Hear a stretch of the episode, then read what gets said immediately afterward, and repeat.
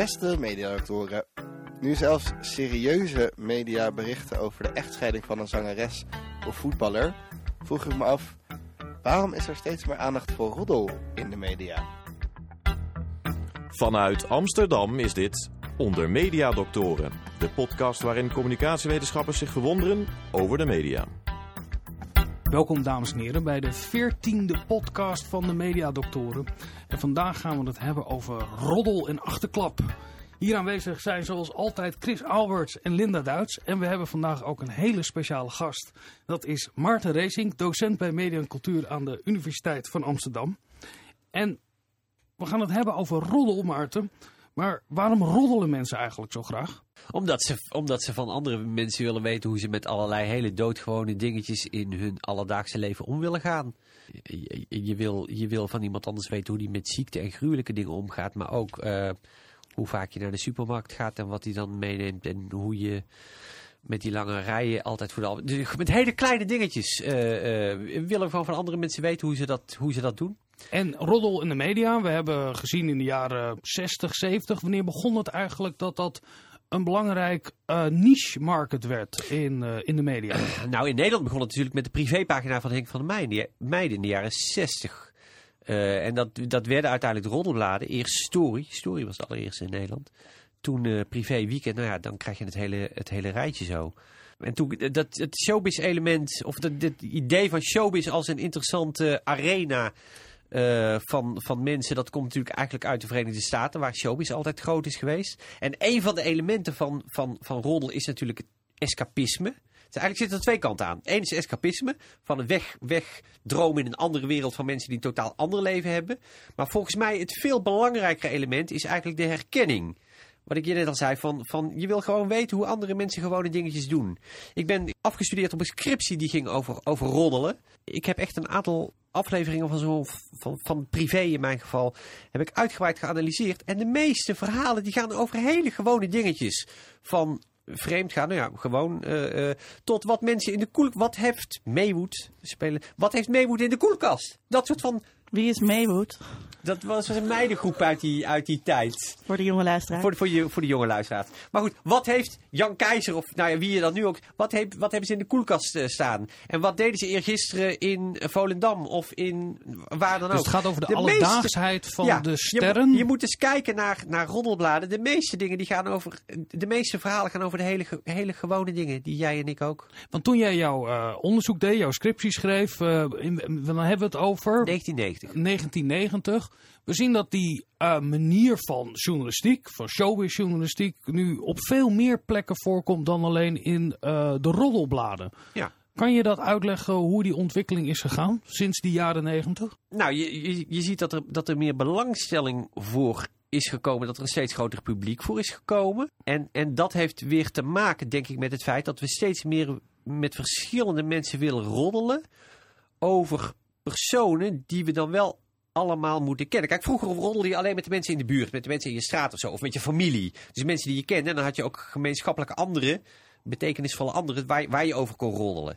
Nou, nu roddelen we met vrienden die ergens anders wonen. Die, we, we, internet, of we, we, we, mailen met, met mensen die heel in heel andere sferen leven. En waar kan je dan over roddelen? Over mensen die je alle twee kent. Nou, dan moet je een, een, een gemeenschappelijke referentiekader hebben. Een groep van bekende Nederlanders waarvan we allemaal weten ongeveer wat, althans denken te weten, via de media, wat hun leven is. Dus op het moment dat Marco Borsato, ik noem maar wat, morgen iets overkomt, dan weten we, ja, dat is zo, moet je kijken wat die man al heeft meegemaakt. En dan nu dit ook alweer. En dus we hebben een, gemeen, een gemeenschappelijke pool nodig, mens, van mensen nodig, waarvan we als er iets overkomt, waar we over willen roddelen, want het kan ons morgen ook overkomen, of het is ons overkomen, of et cetera, dan willen we daarover mee kunnen praten. En dat zijn bekende Nederlanders. Nou, niet lang geleden hebben wij de inhuldiging gehad van ja. uh, koning Willem-Alexander. Is het manier van uh, nieuwsverslaggeving, wat we daarbij hebben gezien. Ja. Zitten daar elementen eigenlijk in die we eerder kennen uit de showbizjournalistiek? Of ja, misschien wel de roddels? Ja, en ik denk dat, dat um, de, de manier van verslaggeven... Uh, er wordt al heel lang over koningshuizen geroddeld. Dat zijn ook de oudste, de oudste roddelbladen in Nederland. Denk aan Vorsten. Um, maar er is wel een soort verschuiving geweest. En we krijg daar straks nog wat meer over te horen uh, in het interview. Um, maar um, er zijn wel andere media zich met roddel bezig gaan houden dan dat vroeger het geval was. En dat is, dat is nog wel een puntje. Ik denk ook dat dat komt omdat er steeds meer media bij zijn gekomen. Dus hoe meer media, hoe meer plek er ook is gekomen om te roddelen. En nu op het internet kun je heel makkelijk, heel snel over celebrities roddelen. En dat verspreidt zich dan dus ook heel snel. Waardoor het lijkt alsof het overal is en iedereen wil daar een graantje van meepikken. Terwijl vroeger, dat gaan we straks ook horen, um, was het toch ook een beetje taboe om uh, in de serieuze pers te roddelen. En ik denk dat dat taboe er een beetje af is gegaan. En dat zie je met name rond het Koningshuis. Linda, je hebt een interview gedaan met Hummy van de Tonnekrek en daar gaan wij uh, nu naar luisteren. Psst. Ik, uh, ik ben in Hillegom en ik sta voor de deur bij Hummy van de Tonnekreek, de roddelkoningin van Nederland. Zij was hoofdredacteur van de Story en van de Weekend. Daarna heeft ze ook nog Big Brother gedaan. Uh, en zij kan me alles vertellen over roddelen. Ik ga gewoon aanbellen. Roddelen is eigenlijk praten over jezelf. En ook hoe andere mensen over jou zouden denken als je bepaalde dingen gaat doen. Roddelen is dus niet dat het kwaad spreken is over iemand die er niet bij is. Nee, het is wat zijn in deze omgeving onze manieren. Daar kom je achter door roddelen. Want roddelen is eigenlijk sociologie op het niveau van de keukentafel. Het is toetsen van de kennis en de normen en waarden in je omgeving. Om te kunnen roddelen moet je juist een beetje ondeugend zijn en achter je hand praten en fluisteren. En aan het eind, als we alles van linksom en rechtsom hebben bekeken, we hebben oorzaken en gevolgen bekeken, dan nemen we nog een slokje koffie, dan kijken we elkaar vriendelijk aan en dan denken we, het is natuurlijk allemaal niet echt waar. En dat is het ventiel aan een goede roddel. Dat geeft een ontsnapping. Dat is niet kwaadaardig. En dan ga je wel gemoed naar huis en dan trek je daar je eigen les uit. Dan denk je, nou, dat doe ik wel, dat doe ik niet, of ik kom er tegen in verzet. Nou, er ging iets aan vooraf. Tot grote schrik van de provincie en behoudende ouders in de Randstad, dat er ineens van alles verandert. We gaan niet trouwen, we gaan samenwonen. We gaan de pil slikken en we hebben vrije seks. Homoseksualiteit, mag dat wel? Moet je daarover fluisteren? Nou, dat waren... En dat begon enorm te verschuiven. Al die taboes waarin iedereen mee was opgegroeid, die kwamen ineens naar boven. En wat deed je met die taboes? En in de provincie zaten mensen en die dachten, ja, hoe doen onze grote voorbeelden dat? En toen ontdekten de bladenmakers in Nederland, per ongeluk, dat er een mooie markt was gekomen waarin die taboe doorbrekende verhalen, dat toetsen aan nieuwe normen en waarden, een mooie plek kon vinden. En ze hadden de wind mee.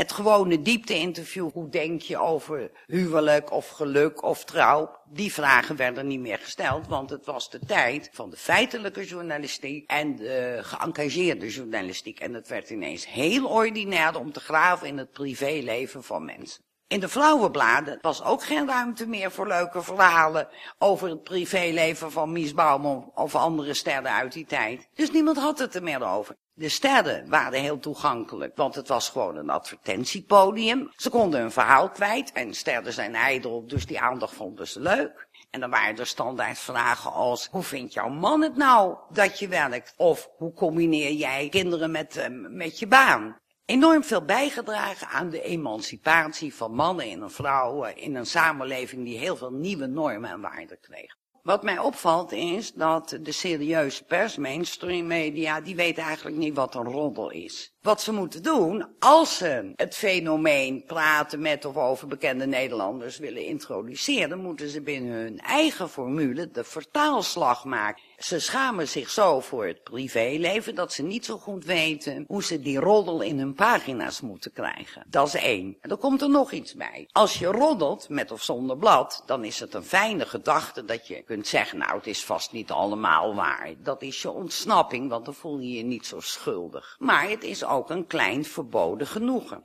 Maar als ik een vaag verhaal over Sylvie in een, een serieuze krant lees, dan mis ik de mogelijkheid om te denken, het zal wel niet waar zijn, want serieuze kranten vertellen de waarheid. Nou ja, het is toch money, money, money, money. Als jij met moeite het hoofd boven water denkt te moeten houden, dan ga je alle richtingen opzoeken van wat kan ik doen om meer lezers aan mij te binden. En dan kan je een vergissing maken. Dus misschien is het een verkeerde gok. Misschien moeten ze naar me luisteren en zeggen we gaan het binnen de eigen formule doen. De loyalty watchers die je voorbij ziet komen bij koffietijd en in boulevard, die schrijven de brochures over oranje. Zoals je vroeger de oranje kalender had, kritiekloos, mediacode hebben ze onder, onderschreven voor de plaatjes. Ja, en ik zie het echt wel dat de serieuze pers die tak van sport wel eigen aan het maken is. Want met name de Volkskrant en nu deze Jutta, die komen toch wel met ja, bijna roddel. Want nu zie je dat bij Paul Witteman wordt gezegd, nou ja, het viel wel op dat Maxima minder zei dan Willem-Alexander. Vroeger stond dat in de bladen van nou, het was wel opvallend, want Maxima, ja, die mag waarschijnlijk weinig zeggen.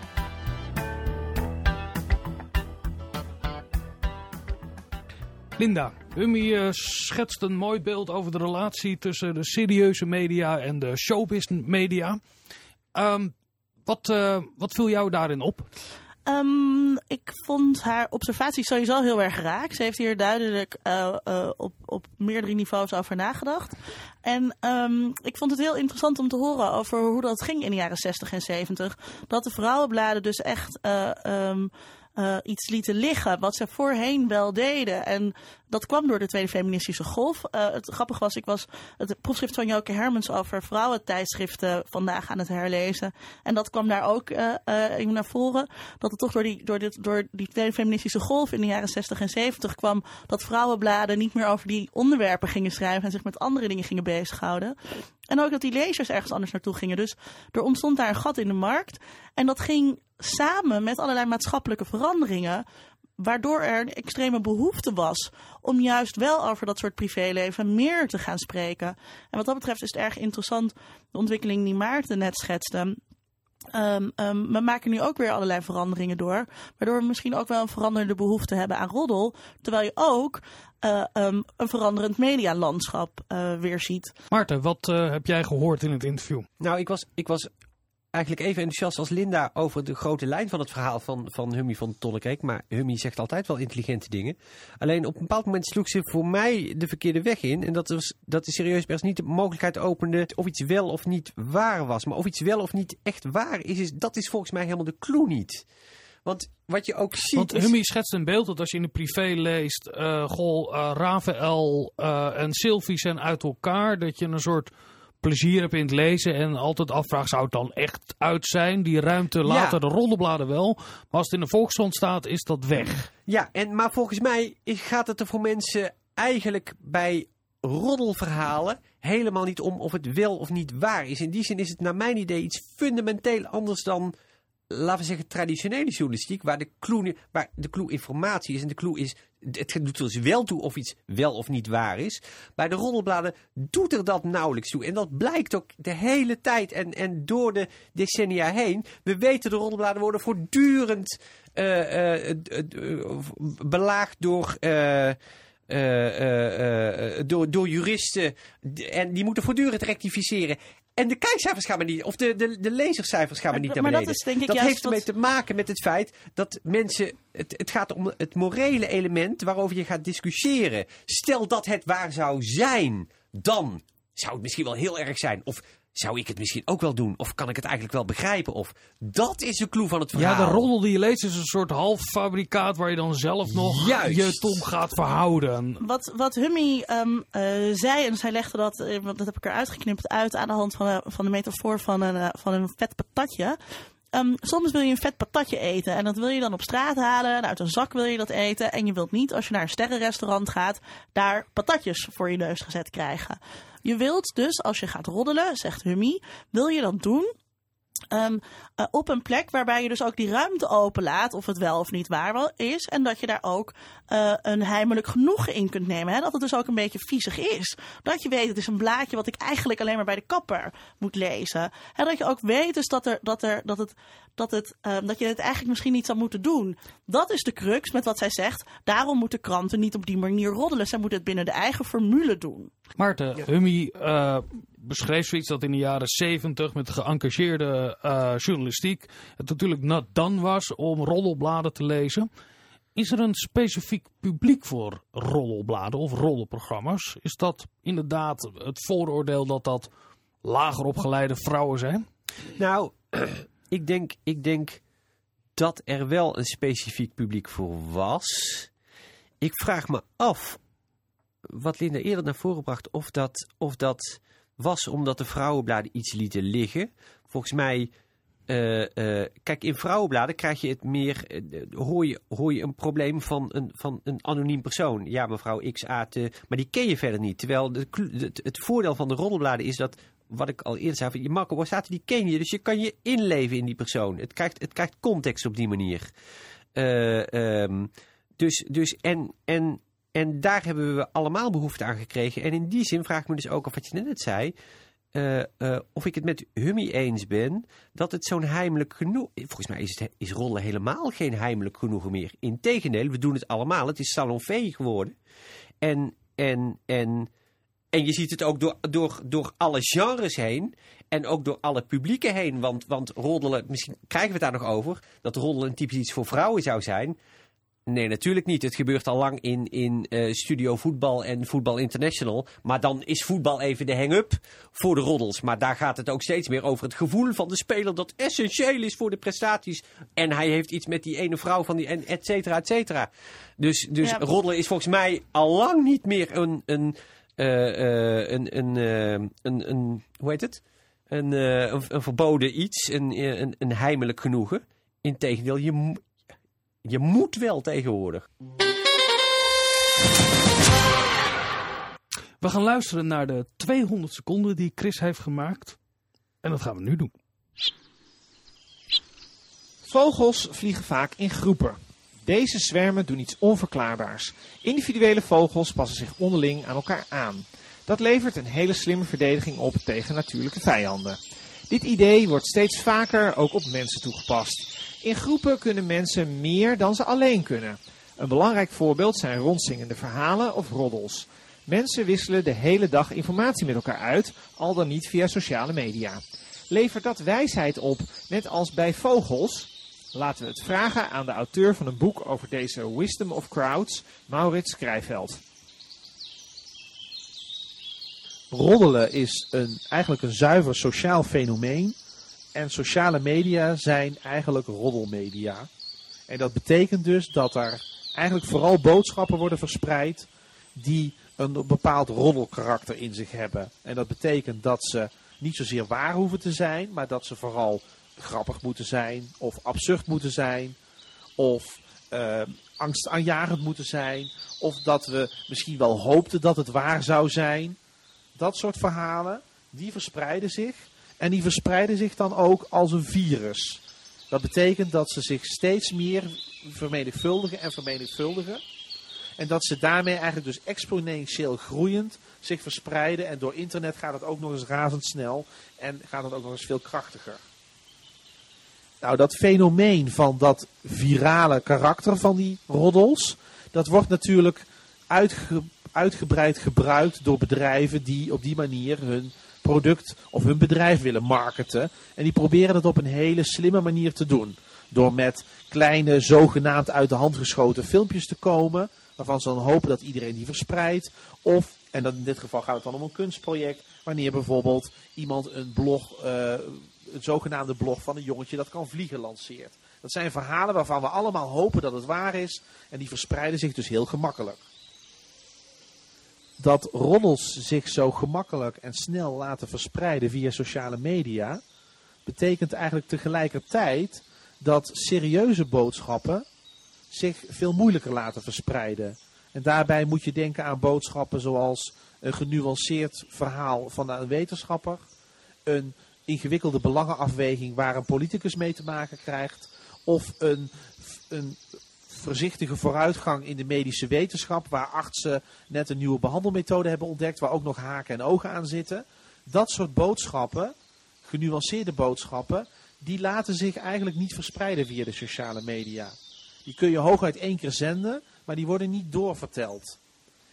En het is dus ook heel opvallend om te zien dat met name de wetenschappers, de politici en de artsen steeds meer kijken naar sociale media en eigenlijk gebruik willen gaan maken van die media om hun boodschap te verspreiden.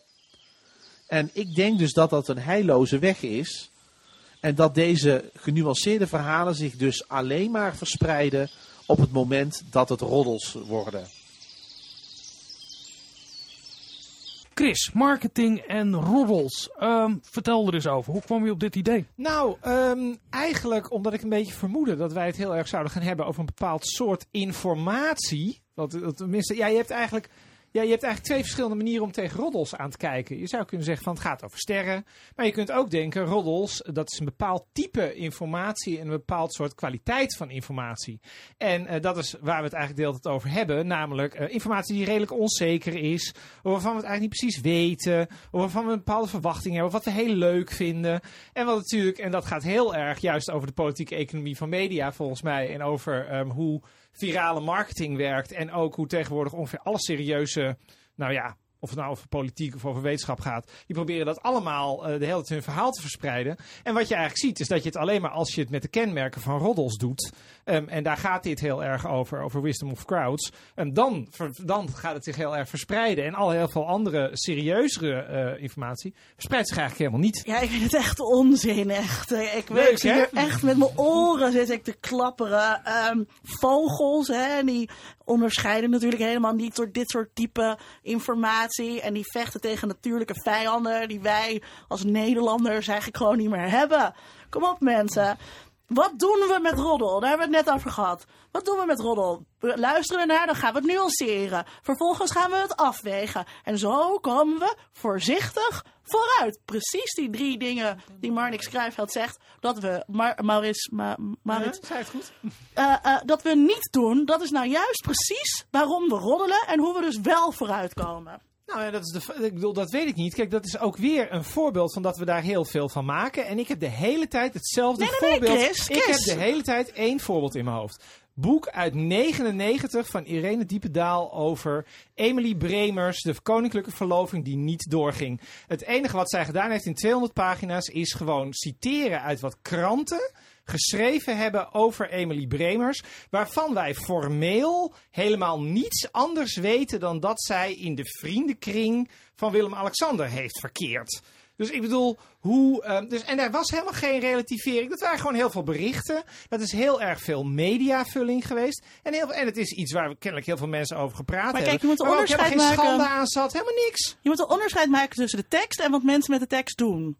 Lijkt me de basis van communicatiewetenschap. Dus de tekst is dat boek van over Emily Bremers. Vervolgens gaat het om de vraag, wat doen mensen ermee? Dus het, mensen zitten bij Paul en Witteman en vertellen dan wat. En vervolgens gaat het om de vraag, als je het kijkt naar wat is de functie van roddelen. Wat doen mensen die op de bank zitten? Wat doen die daarmee? Wat doen mensen die op Twitter daarover praten? Wat doen die daar vervolgens mee? Nou, die mag ik dat uit. Mag ik er een beetje discussie, eh, nuance in de discussie brengen? Oh, ik zit toch tussen, tussen de twee eh, eh, in. Nou, volgens mij is het niet zo dat, dat, dat, dat roddel geen enkele functie heeft. In die zin ben ik het helemaal met Linda eens. Het is een, het is een heel belangrijk, je zou kunnen zeggen, een belangrijk mediagenre. wat zijn eigen specifieke functies heeft, wat niet altijd waar is. Integendeel, dat is een, een van de kwaliteiten ervan, dat je op door kan borduren. Eh, eh, dus dus het, het heeft een belangrijke functie en het zal er altijd blijven. En alleen, ik, ik ben het met Chris eens dat ik zie dat het wel belangrijk, steeds belangrijker wordt. Ook in domeinen waar ik het, waar, waar ik het minder gewenst zou vinden. Zoals in de politiek. Zoals, nou ja, noem maar een paar op. En, en dat vind ik er een linkere tendens aan. Zoals elke week besluiten wij deze podcast met een beantwoording van de vraag. Ik ben heel benieuwd of dat deze keer ook gaat lukken. De vraag was waarom er eigenlijk zoveel aandacht is voor roddel en showbiz. Maarten, mag ik jou als eerste het woord geven om een antwoord te geven op deze vraag? Waarom is er zoveel aandacht voor roddel en showbiz nieuws in de media? Eh, omdat we leven in een moeilijke, gecompliceerde, ingewikkelde wereld. En eh, eh, omdat onze sterren, onze celebrity culture waarin we leven, die geven mogelijke antwoorden op mogelijke vragen die wij in ons alledaagse leven tegenkomen. Linda. Ja, daar sluit ik me bij aan. Uh, en uh, met de toevoeging, we hebben veel media. Uh, en dat betekent dus ook dat er heel veel ruimte is gekomen om te speculeren over al die veranderingen die we doormaken. Ja. Chris, aan jou het laatste woord. Ik zou zeggen, het tweede deel van Linda's antwoord. Er zijn heel veel media gekomen, daardoor moet er heel veel gevuld worden. Daardoor zijn er heel veel mensen wel eens in de media. Daarover moet ook weer, kan ook weer heel veel verteld worden. En omdat deze verhalen zich veel makkelijker verspreiden dan serieuze verhalen, die ook gecheckt moeten worden, en dat hoeft bij Roddel niet. En dat is dus heel goedkoop te produceren, is er heel veel Roddel. Dames en heren, u heeft gehoord, wij komen er eigenlijk eh, een eenduidig antwoord kunnen wij niet geven, maar het is wel het einde van deze podcast. Heeft u zelf een vraag, ga dan naar ondermediadoktoren.nl en tot een volgende keer. Onder Mediadoktoren is een podcast van Chris Alberts, Vincent Kronen en Linda Duits. Meer informatie vindt u op ondermediadoktoren.nl.